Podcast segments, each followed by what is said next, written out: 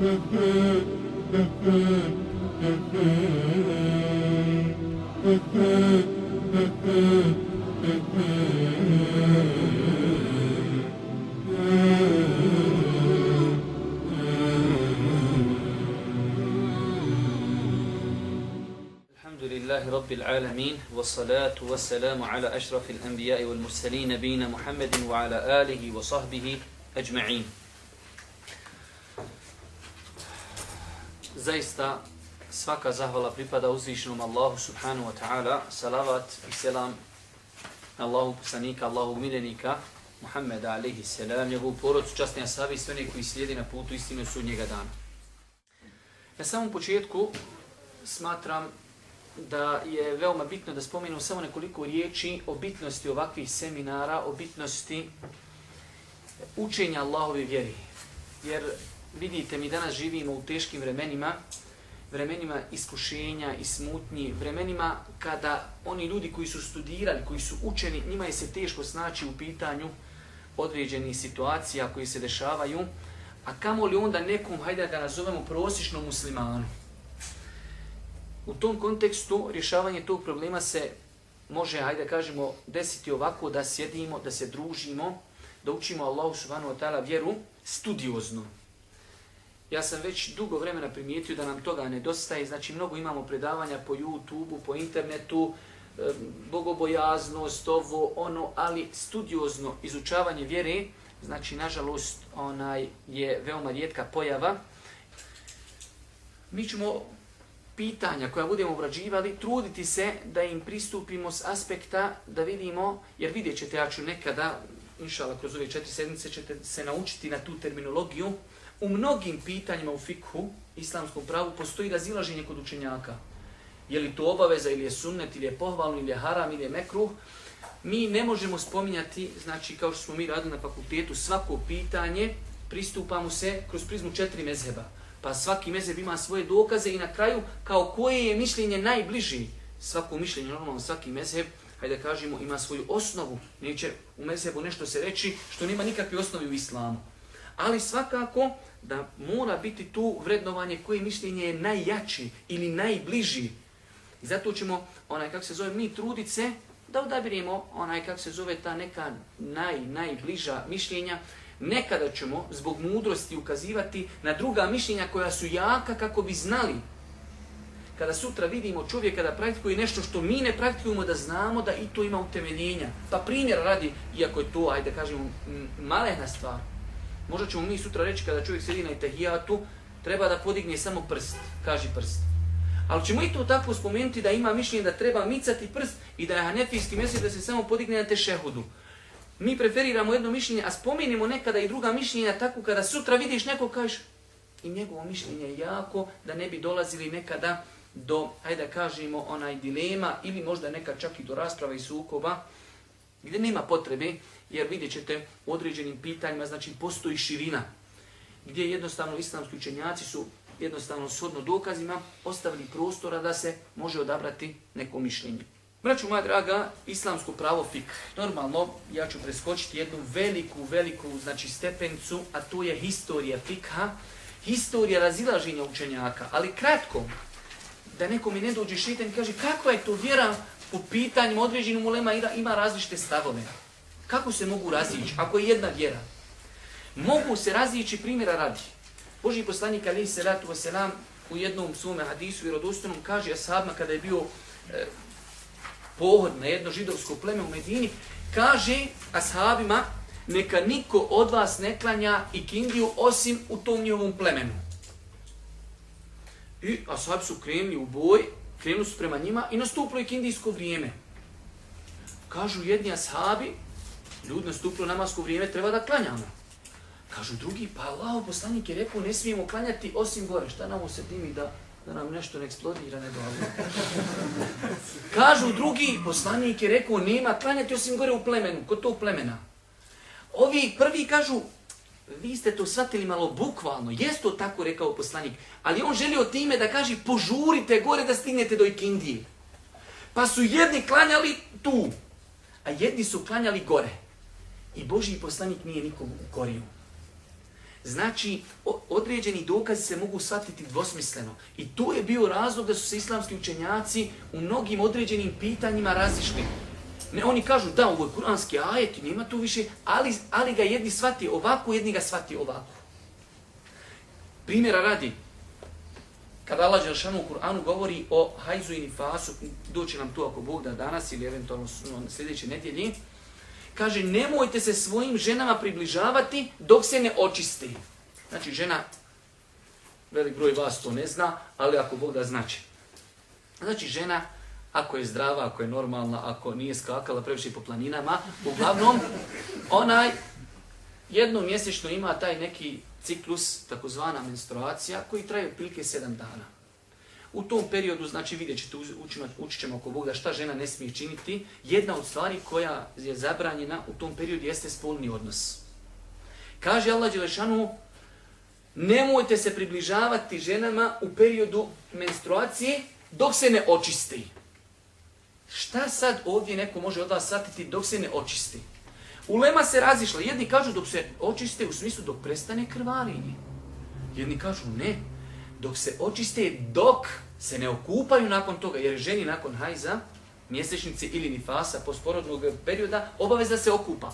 Pa ovi jedni kažu, Allah Đelšanu ovdje želi da žena kada završi taj ciklus, treba da se okupa, tek tada sa njom može čovjek imati spolni odnos. Drugi kažu ne, dok se očiste, u smislu dok znači prestane krvarinje. I tako da znači da imate sebi u glavi to što se u lema razišla, razišla se u pogledu svatanja dokaza. Nekada, vidjet ćete, možda ćemo nekad spominjati, ali ja ovo samo vama pravim jedan mali uvod i više se tome nećemo vraćati. Nekada je pitanje hadisa. Pa jedni kažu taj hadis je vjerodostojan i na osnovu toga propis je takav i takav. Drugi kažu ne, po našim parametrima mi kada smo pogledali u lanac prenosilaca, mi smo našli jednog prenosioca koji nije dobar i mi kažemo hadis je daiv. ali ako je hadis daiv ili ne do Allah apokrifan, onda nema propisa. I znači nekada je razlog razilaženja među učenjacima to kako su pogledali na hadis, da li je hadis Božih poslanika vjerodostojen ili nije. U svakom slučaju ovo sam vam samo želio da kažem kako vam ne bi šetan, Allah ga prokleo, došao i kaže kako to vi sad vjeru učite, u njoj se učenjaci razišli. Razišli su se u pogledu svatanja, pita oni su svi željeli da nama dostavi znanje. I onda su svi pristupali znanju na određeni načine odnosu svome svatanju. Fik islamsko pravo, znači ima, svoje, ima svoj početak, ima svoj kraj. Većina knjiga fikha počinje sa najbitnijom stvari u islamu, a to je namaz. Jer čovjek kada uđe u islam, znači imate braće slobodno, ona, ako nešto vam treba slobodno tražite olovke i sveske tu kod ove naše braće, ona ima. Čovjek kada uđe u islam, kaže la ilaha illallah Muhammedu Rasulullah, postaje ime musliman. To nam je jasno. Imaju stvari koje on treba da zna, ali se vezuju za poglavlje akideta. Mi, nažalost, tu nećemo moći sad stići obrađivati. Znači, u šta da vjeruju? Da vjeruje u sudnji dan, da vjeruje u meleke, da vjeruje u Allah, da vjeruju u poslanike. To je poglavlje akide i vjerovanja. E sad, on ima nešto što se vezuje za ibadete. To su, znači, stvari, a najbitniji ibadet nakon što ušu u islam jeste namaz. Zato ćete vidjeti da velik broj knjiga islamskog prava, iako malo te knjiga prevedeno na bosanski, počinje sa namazom. Islamski učenjaci kada su pisali knjige, pokušavali su da te knjige, ajde kažemo, poredaju i slože i pišu na način kako je to čovjeku lako shvatiti i kako bi što lakše to zapamtio. Pa su počeli sa namazom. Normalno, namaz. Da bi čovjek stupio namaz, može li čovjek otići sada ovako u džamiju i Allahu Ekber? Ne. Šta treba prije toga da zna? Treba da zna kako se abdesti, treba da zna kako da se okupa ako je možda onaj sanju nešto najveće što nije bilo dobro, sutra ustane, vidi tragova po postelji, po jastucima, po zidovima, znači mora se kupati. Jer ako stani kao takav u namaz, namaz nije ispravan. Znači treba znati propise abdesta, propise kupanja. Dobro, može li se uzeti abdest i kupanje bez vodi? Ne može. I zato učenjaci počinju uvijek, skoro uvijek knjige fika sa govorom o vodama. Ste vidjeli kako su to oni poredali? Znači, da čovjek kada to čita, da mu dolaze stvari postepeno. Ha, prvo će govoriti o namazu, a da bi o namazu govorili moramo znati propise abdesta, tejemuma i gusula. A da bi uzeli abdest i da bi uzeli gusul, to se uzima vodom. Moramo znati propise o vodi.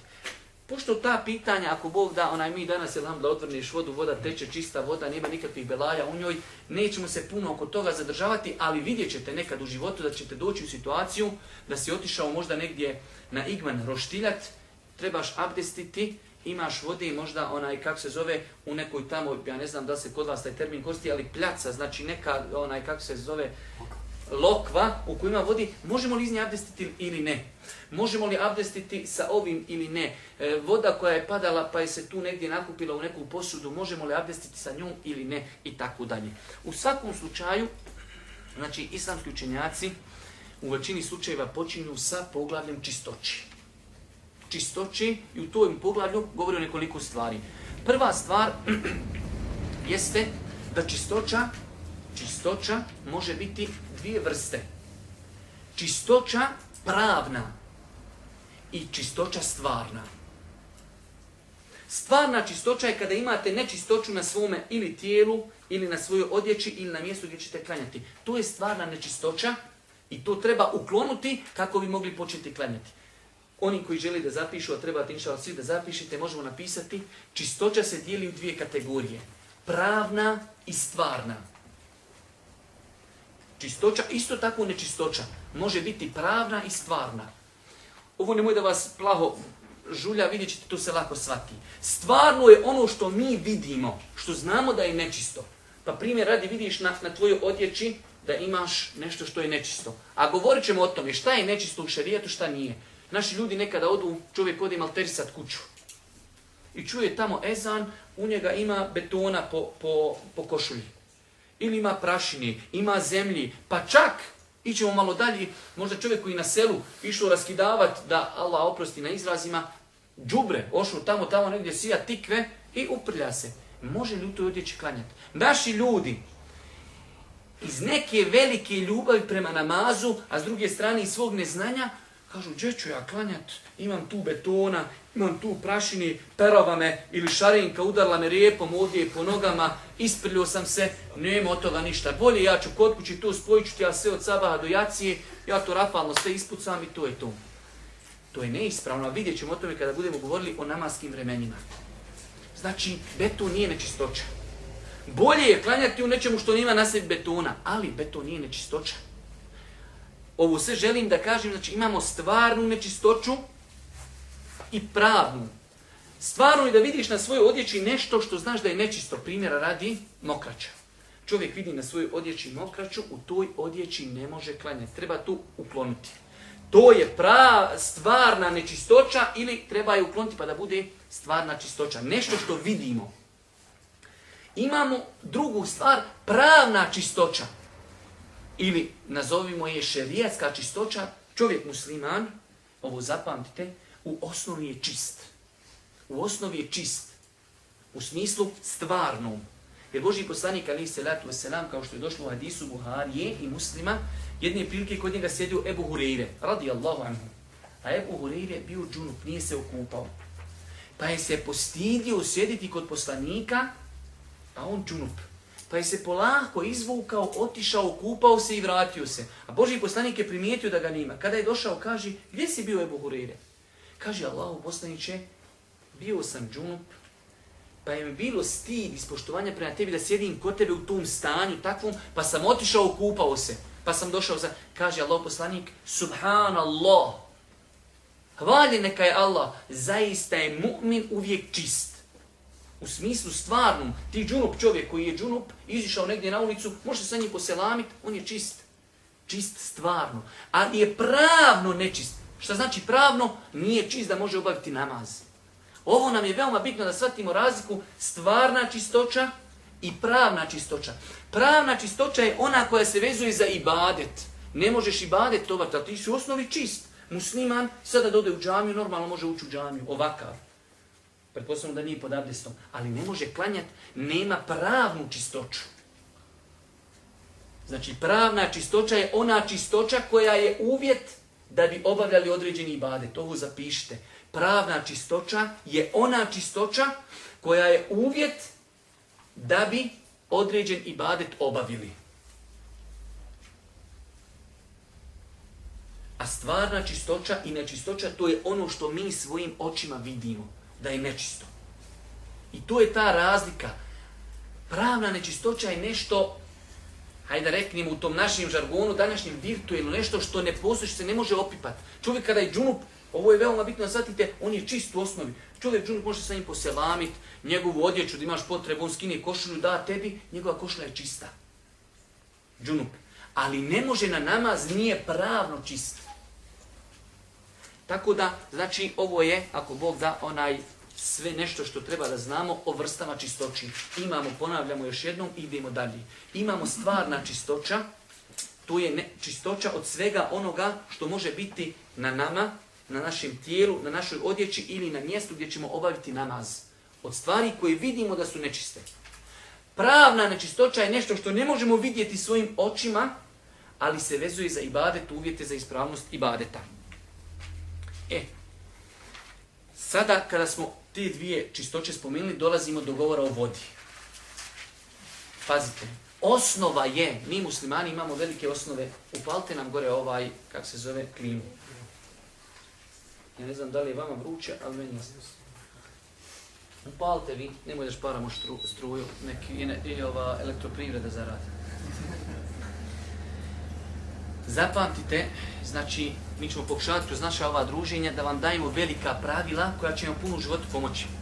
Osnova je da je svaka voda čista. Osnova. Prvo, kada neko donese vodu i kaže je li ova voda čista, ti prvo što kažeš, jes. U osnovi svaka voda je čista. U osnovi. Znači, tu je prvo pravilo i time rješajte mnogo problema. Imate ljudi koji su a nam on prilazi pa i onaj, kak se zove, zavodi i onda eh, ima sada posuda i u njoj voda bristra, voda se, ali možda je neko dodirnuo, možda nešto u njoj ima, možda je neko prošao, ubacio nešto. Vidiš voda, nema nikakvih na njoj simptoma, ništa, voda je čista.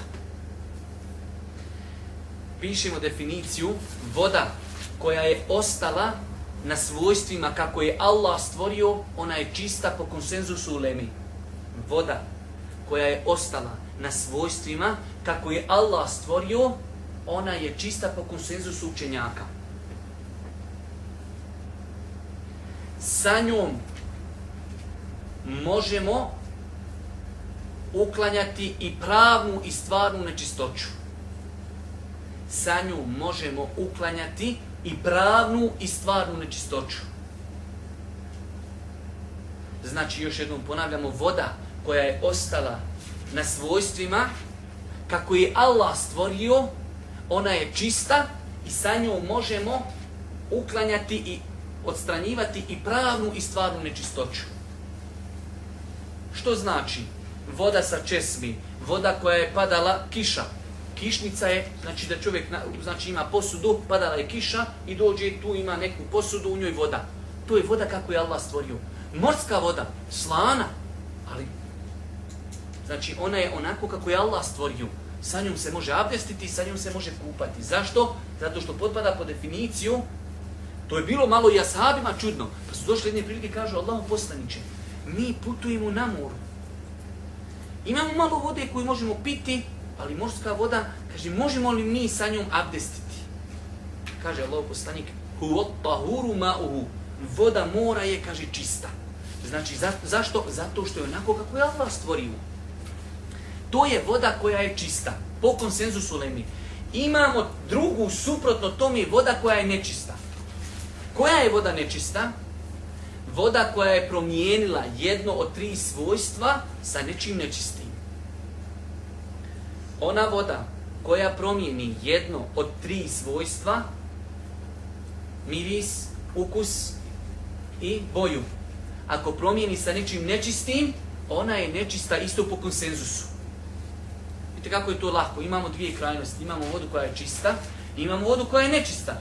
Voda nečista je ona voda koja je promijenila jedno od tri svoja svojstva sa nečim nečistim. Kad kažemo jedno od tri svoja svojstva, miris, izgled i ukus. Hajmo sad malo samo pratite mene da to praktično pokažemo i imamo onda ovu treću koja je najkomplikovanija vrsta vode, a vidjet ćete da je lako. Rekli smo voda koja je na izgled, nije promijenila ništa, abdestimo sa njom, kupamo se sa njom bez ikakvog problema. Sa njom možemo očistiti hlače ako su nam nečiste, ako je čilim nečist sa vodom koja je na izgled nama čista, nije ništa promijenila. Imamo drugu vrstu vode, to je nečista i sa njom ne možemo, niti je smijemo piti šerijetski, niti sa njom smijemo uklanjati nečistoću, to je nečista voda i ovo je veoma, dodajte ovaj dodatak, nečista voda, rekli smo šta je njena definicija, sa njom ne možemo uklanjati ni pravnu ni stvarnu nečistoću. Jer sa njom još veći bela ako si imao malo prljave hlače, što god pospeš, ono će ti biti još više, više nečisto. Imamo sada, znači ova treća vrsta je, evo da Allah oprosti, znači imamo čašu vodi. I u tu čašu vode sipamo nešto što je po šerijatu nečisto po šerijatu nečisto, ne do Allah, znači čovjek ima kantu vode, ali malo je bilo vode. I on planirao poslije iz te vode da se okupa ili da uzme abdest. Dođe braco, njegov nije znao da je to bavina voda, za abdest stane, dala oprosti i popišti se u vodu. I gotovo voda dole žuta, to je ko piva, neko, nećemo govoriti koji da nas ne bi ko tužio. Uglavnom ko neka piva. Već je ta voda postala žuta. Znači, promijenila je po našoj definiciji šta? Promijenila je boju. Ne do Bog, kad čovjek i probao, vidio bi da je to promijenilo i okus. I da pomiriš je promijenilo i okus. Iako je dovoljno samo da jednu promijeni, mi kažemo nečista i ne može se sa njom ni uklanjati ni pravna, ni stvarna nečistoća. E sada, šta smo mi izostavili?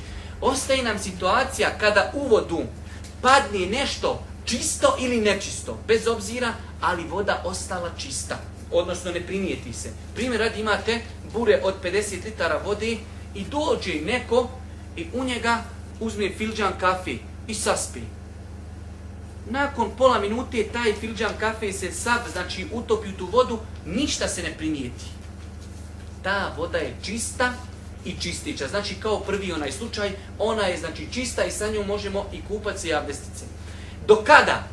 Sve do oko onog momenta, znači mi kada bi uzeli, evo primjer, radi sok je malo lakše vam satiti. Imamo kantu 10 litara vode. I uzmemo gusti sok. I uzmemo jednu čašu gustog soka na 10 litara, voda i dalje obična, bijela. Mi kažemo voda čista i može se sa njom abdestiti. Dodamo još jednu čašu, mm, mm i dalje bijela. Može sa njom abdest, može se sa njom okupati. Dodamo treću čašu, ona crvena postala. Kažemo, ovo više nije voda. Ona jeste čista za popit, ali više to nije voda, to je sok. Onog momenta kada voda preraste u nešto, ona znači, ona više ne može se sa njom čistiti, ali može biti čista za pit. Znači, imali smo situacije, vraćamo se samo na početak da bi došli do ove situacije. Imamo voda koja je ostala onako kako je stvorena, čista je. Ako se pomiješa sa nečim što je nečisto i promijeni, nečista je. Sad imamo opciju da se voda sa nečim pomiješa, ali je nije promijenilo. Ta voda je čista. Bez obzira može i nečisto nešto kapnuti. Evo primjer. Imamo bure od 50 litara vode i da Allah oprosti dođe dijete i ne da se popišti do kraja, ali nešto malo samo znači, ajde da kažemo, ubacim mokrači, znači, ajde da kažemo, 10 kapi u bure od 50 litara vode. Ti pusti dođeš, ne primijeti se na vodi.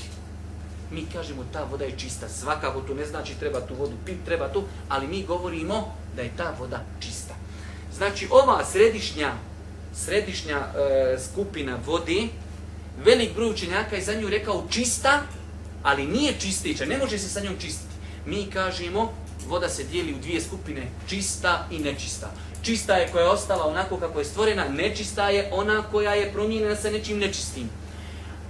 Ako se miješa sa nečim što je znači čisto ili nečisto, gledamo u njena svojstva. Sve dok se svojstva nisu promijenili, mi kažemo to je čista voda. Nadam se ako Bog da, da smo to shvatili, ako imate nekih pitanja, možemo to poslije. Imamo sada jednu veoma bitnu stvar, a to je šta se u šerijatu, kada smo već govorili o čistoći, šta se u šerijatu smatra nečistoća? Malo prije smo vidjeli kako nepoznavanje ove tematike može čovjeka skupo koštati. Čovjek ode negdje na izlet, isprlja hlači. isprlja i zemlju, igru je futbala, pao je, isprljo ili pio kafu, prosupo, pio sok, prosuo mi se podjeći. Kaže, ne mogu klanjati, nije mi odjeća čista. Zato nam je veoma bitno da znamo šta je u šerijetu nečisto. A rekli smo na početku, ovo isto zapamte, prvo smo rekli svaka voda je u osnovi čista. Drugo, svaka stvar u šerijetu je po osnovi čista. Po meni ovaj sad plakat, on je u osnovi čist. Dok ne ustvrdim da je nečist. Ova spolica po meni je čista dok ne ustvrdim na osnovu šerijetskog dokaza da je nečista. Ova knjiga, ona je u osnovu čista. Moja košulja, čini sve je u osnovi čisto dok nemadnemo siguran dokaz na koji ukazuje šerijat da je palo na njega nešto nečisto. I zato nam je veoma bitno vidjeti da šerijat ima pet ili šest stvari nečisti, ostalo je sve čisto. I pogledajte kako je to lako. Nauči šest stvari koji su nečiste, ostalo je čisto. I poslije ti samo gleda, a posuo se kafu. Ima li kafe među onih pet, šest stvari? Nema, čisto. Posuo se betonom. Je li beton onih šest stvari? Nije, čisto. Posuo se zemljom i prašinom i tako dalje. Pa primjer radi. Od stvari koje su nečiste i na koje ukazuju znači kuransko-hadijski argumenti jeste ono što izlazi na dva spolna, odnosno na dva analna otvora. Mokraća i ljudski izmet znači su nečisti. Tako da ako bi se desilo da nekom i nešto od tih stvari padne na odjeću, obaveza je to da očisti. Znači imamo dvije stvari, mokrača i ljudski izmet. Ovo ne morate zapisivati, ali je vama praktično dobro. Mene puno ljudi pitaju. Desi se čovjek ubio u WC-u iz opravdanih i razloga, kapri mu kaplica mokraće na hlači ili na veš ili na potkušnju. I čovjek onda smatra da treba oprati čitave hlače zbog toga. Vjerujte da me dosta puta ljudi to pitanje pitaju. Znači, ajde reknimo mokraće u pitanju. Kapni mokraća na veš, na, na znači na donji veš čovjeka ili na hlači. I on u šerijetu je bitno oprati mjesto gdje je to kapnulo da budeš siguran da si opru. Znači ako ćemo kazati čovjek koji je na koljeno kapnula mokraća. Evo ovdje. Dovoljno je oprati dva canta oko toga i tvoje hlače su čiste. Nema potrebi da moraš čitave hlače ubaciti u mašinu i da ih, ako ih ubaciš nikom ti neće ništa. Ali je bitno nama ovo zašto. Ti ćeš se nekada desiti na aerodromu i to se desilo. A trebaš nakon toga u, na istom aerodromu klanjati. U tom kontekstu im sam sebi ote... O, sad su mi hlače prljave, ne mogu njima klanjati i neću klanjati. Ne, mi kažemo otiđi tu negdje na neku česmu, operi to samo što je prljavo i od tvoje su hlače čiste. Ovo zapamtite praktično, jer vjerujte koliko me ljudi, isto tako je sa čilimom, isto tako je sa košuljom, isto tako je u autu, bilo gdje da znaš da je dijete stalo, šta ja znam, saklo se učešak i tamo ta oprosti, u, u čošku se onaj uneredilo. Očisti čošak činima da sigurno kažeš, znam, dijete se nije pomaklo, ja sam opravo lupam kvadratni metar, zašto sada ja moram podizati činim koji je možda 10 sa 10 ili veći, zbog toga, ne, operi tu. To je Allahova olakšica ovom ummetu. Znači, ako ima nečistoća, perije se samo mjesto nečistoći. Isto tako važi za spolni organ i za analni otvor kada se čovjek čisti od nuždi. Bitno je samo oprati ono mjesto gdje izlazi nečistoća. U svakom slučaju, znači, imamo da je nečisto mokraća. Imamo ljudski izmet je nečist. Nakon toga mevi. Vi ste ovdje, vidim ja dosta vas neoženjeni i vi ste sad e, mladići, hm, neko se dopisuje, neko se ne dopisuje, neko gleda, neko ne gleda, neko ovako. Znači, šta je mefi? To je bijela, sluzava tečnost koja izlazi iz polnog organa, a nije sperma. Sper, razlika između ove tečnosti i spermi, pazite, znači ovo su stvari, u svim knjigama fika to imate gore da nekom ne nešto smiješno pričamo o tim temama, to su neke, jer kod nas ljudi kad bi u džami pričao o tome, rekli bi kako vam je to vjera, pričate o tim stvarima. Islam daje rješenje za sve i priča o svemu. Vi ste gledali, vjerovatno, sam ja u Fadovoj džami držao dole predavanja, propisi bračne intime i tu u džami priča o tome. To je propis. Ima stvari koje ako ne znadneš kako ćeš spavati sa svojom ženom, možeš otići u kufr. Možeš otići u haram, teški. Znači, zašto? A to je propis. Knjige o tome napisane. Tako i ovo. Bolje nam je danas da naučimo šta je mezi, nego da sutra imatimo problem, kani nam na, na odjeću i ne znamo, klanjamo tako, možda dovodimo svoj namaz u pitanje. Znači, mezi je, imate o tome, onaj, ja sam odgovarao više puta na, na odgovore, ali evo, onaj, znači, to je sluzava, tečnost koja izlazi iz polnog organa, kao posljedica razmišljanja o tim tamo nekim stvarima koje vi znate koji su. Razlika između ove tečnosti i sperme jeste što sperma izlazi sa strašću. Ova, sperma, ova mezi izlazi, čovjek ne osjeti. Samo čovjek poslije pogleda vidi trag na vešu. I prije mokrenja ili poslije mokrenja vidi znači da iz spodnog organa izlazi ta tečnost. I zašto nam je sad bitno da znamo taj mezi šta je? On je nečist. Po konsenzusu u Leni nečist.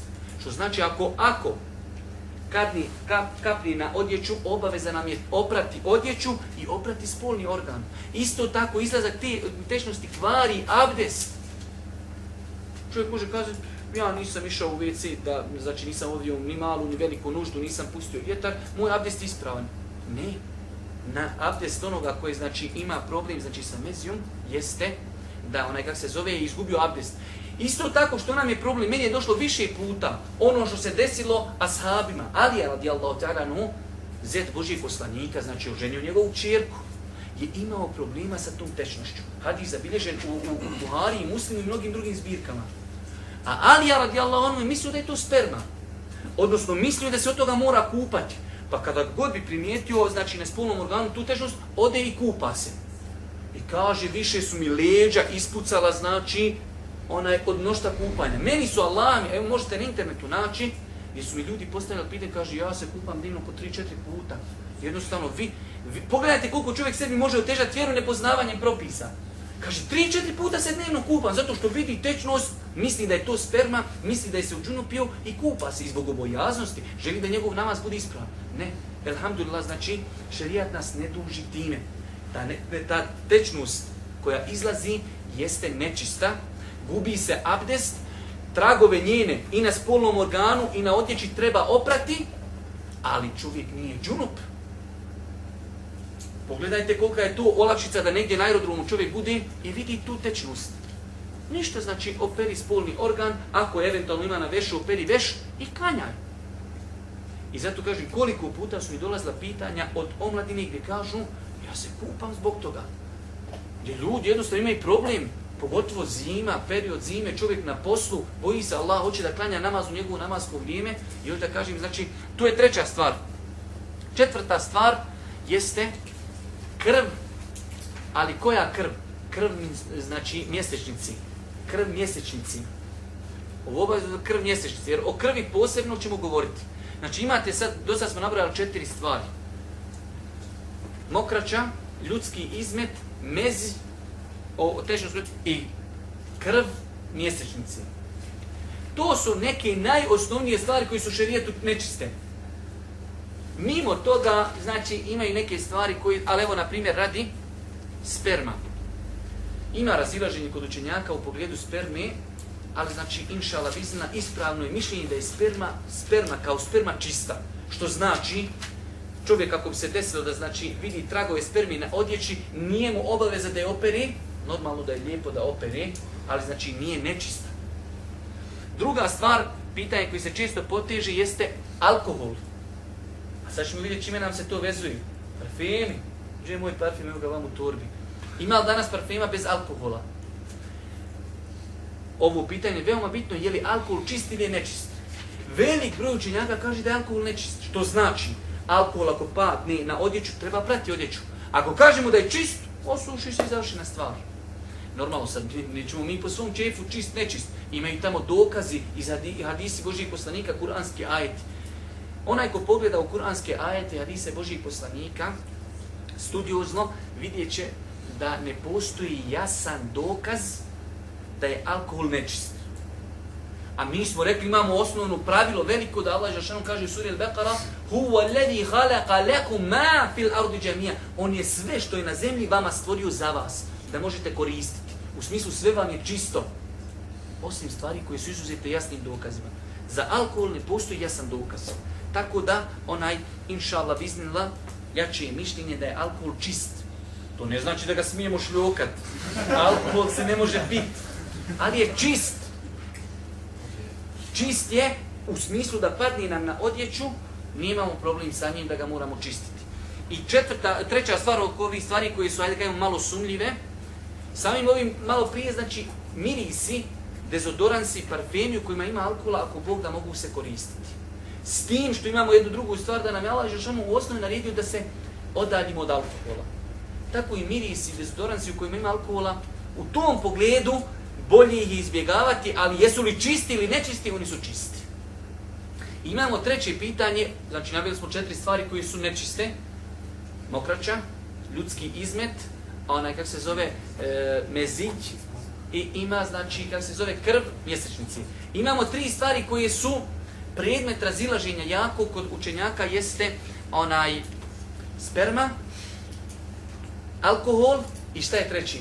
Krv iz ljudskih rana. Isto kod krvi ima jako razilaženje, veoma jako razilaženje, čak neki navode konsenzus da je krv nečista. Ali Allah najbolje zna, opet gledano u, u, u dokaze, ne postoji jasan dokaz da je krv nečista. Čak šta više, imamo dokaze da su asabi bili u džihadu, prije se ratovalo sa sabljama. ashab neki je znao biti toliko izranjavan da na njegovom tijelu nije bilo pedalja da tu nema, da je ga zasekla sablja ili ubalo koplje. I takvi su klanjali. I nikada nećete naći ni jedan hadis da je poslanik rekao, e, vi koji imate krv na odjeći, to očistite. Dok za neke druge stvari, je Boži poslanik napomenuo. Tako da Allah najbolje zna normalno i sperma, i alkohol, i ovaj krv, su ove tri stvari gdje postoji jako razilaženje, a kada god imate jako razilaženje, najbolje je od te stvari, hajde da kažem u jednu ruku, odaljiti. Tako da je lijepo da čovjek kaže, slušaj, sperma nije nečista, ali kad god bude umrena odjeća, ja ću nju Ispred ostrožnosti. Alkohol nije nečista. Ali da mi alkohol padni, ja ću njega oprati i ok. Krv, krv nije nečista, inša ali ako padne meni na odjeću, ja ću nju oprati i klanjat ću sa čistom odjećom. Ali da se desi, da si negdje na izletu, da si negdje u avionu, da si negdje i desi ti se ili da ti je, znači da si vidio tragove spermi ili tragove alkohola, neki evropljan pored tebe bio zaljubio sa avion, pospijete normalno, teško je tragove alkohola imati na svojoj odjeći, onaj, osim ako nisi nešto radio što ne treba. I treća stvar, krv. Nam, čovjek može lako otići negdje na izlet sa porodcom, posjeće se, kapne mu krvi na odjeću, onaj, ove sve tri stvari su inša Allah iznimno čiste, ali je to bolje izbjegavati. Ovdje ćemo se, ako Bog da, onaj kako se zove, zaustaviti. Evo već smo 40 minuta prešli, ja sam mislio da ćemo ići mnogo, mnogo brže, ali inša Allah, je. U svakom slučaju vidite ove stvari koji, o kojima govorimo su praktičnog karaktera, ako Bog da, a ove koji nam dalje dolaze su još više praktičnije, pa ćemo ako Bog da pokušavati da ove naše onaj e, izlaganja i predavanja da pokušamo što više onaj da povežimo sa našom stvarnošću. Subhanak Allahumma bihamdika ashhadu an la ilaha illa anta astaghfiruka wa atubu ilayk.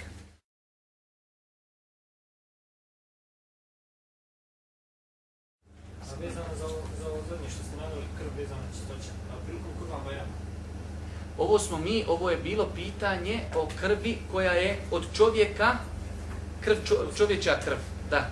Znači to je samo čovječa krv. Ogovorili smo o čovječoj krvi. Krv koja izlazi iz životinji, krv koja izlazi u mlazu je nečista.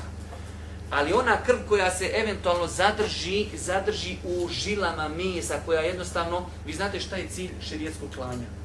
cilj šarijetskog klanja jeste da iziđe krv iz tijela životinje. I ta krv je nečista. Ta krv je nečista. Ali imamo krv, znači ona koja ostaje u venama i ona bukvalno ne može izići, to su islamski učenjaci tolersa Tako da ovo što smo mi zadnje govorili, fina napomena od ovog naših brata, znači ovo što smo zadnje govorili, odnosilo je se na krv, ljudsku krv ono prije nečisto je bilo znači krv žene, znači onaj menstruacija, a ovo je krv znači iz nečeg nekog drugog dijela, znači tijela, a ne iz znači onaj kako se zove spolnog organa. Drugi, može, može, može, Što vezano za kurban, znači kolje se velika živina. Dobro. I tu ima puno posla, konkretno malo nas. Sad, zbog nečistoće svega toga kako ide posao, propusti se podnije rad toga što je, smatra se kao da treba sad se očistiti sve tijelo, teško oprati tijelo, da se treba okupati. Pa vezano za to konkretno pitanje. Možemo... Znači, kad, kad si sad upao i odjeća i ti si sav... Vidim. Govorit ćemo o tome kad dođe u smislu malo ozbiljnije, u pogledu doće nam ako Bog da li danas, eventualno sljedeće nedjelje sigurno, namazi namaska vremena i to. Znači zapamte jedno veliko pravilo za danas.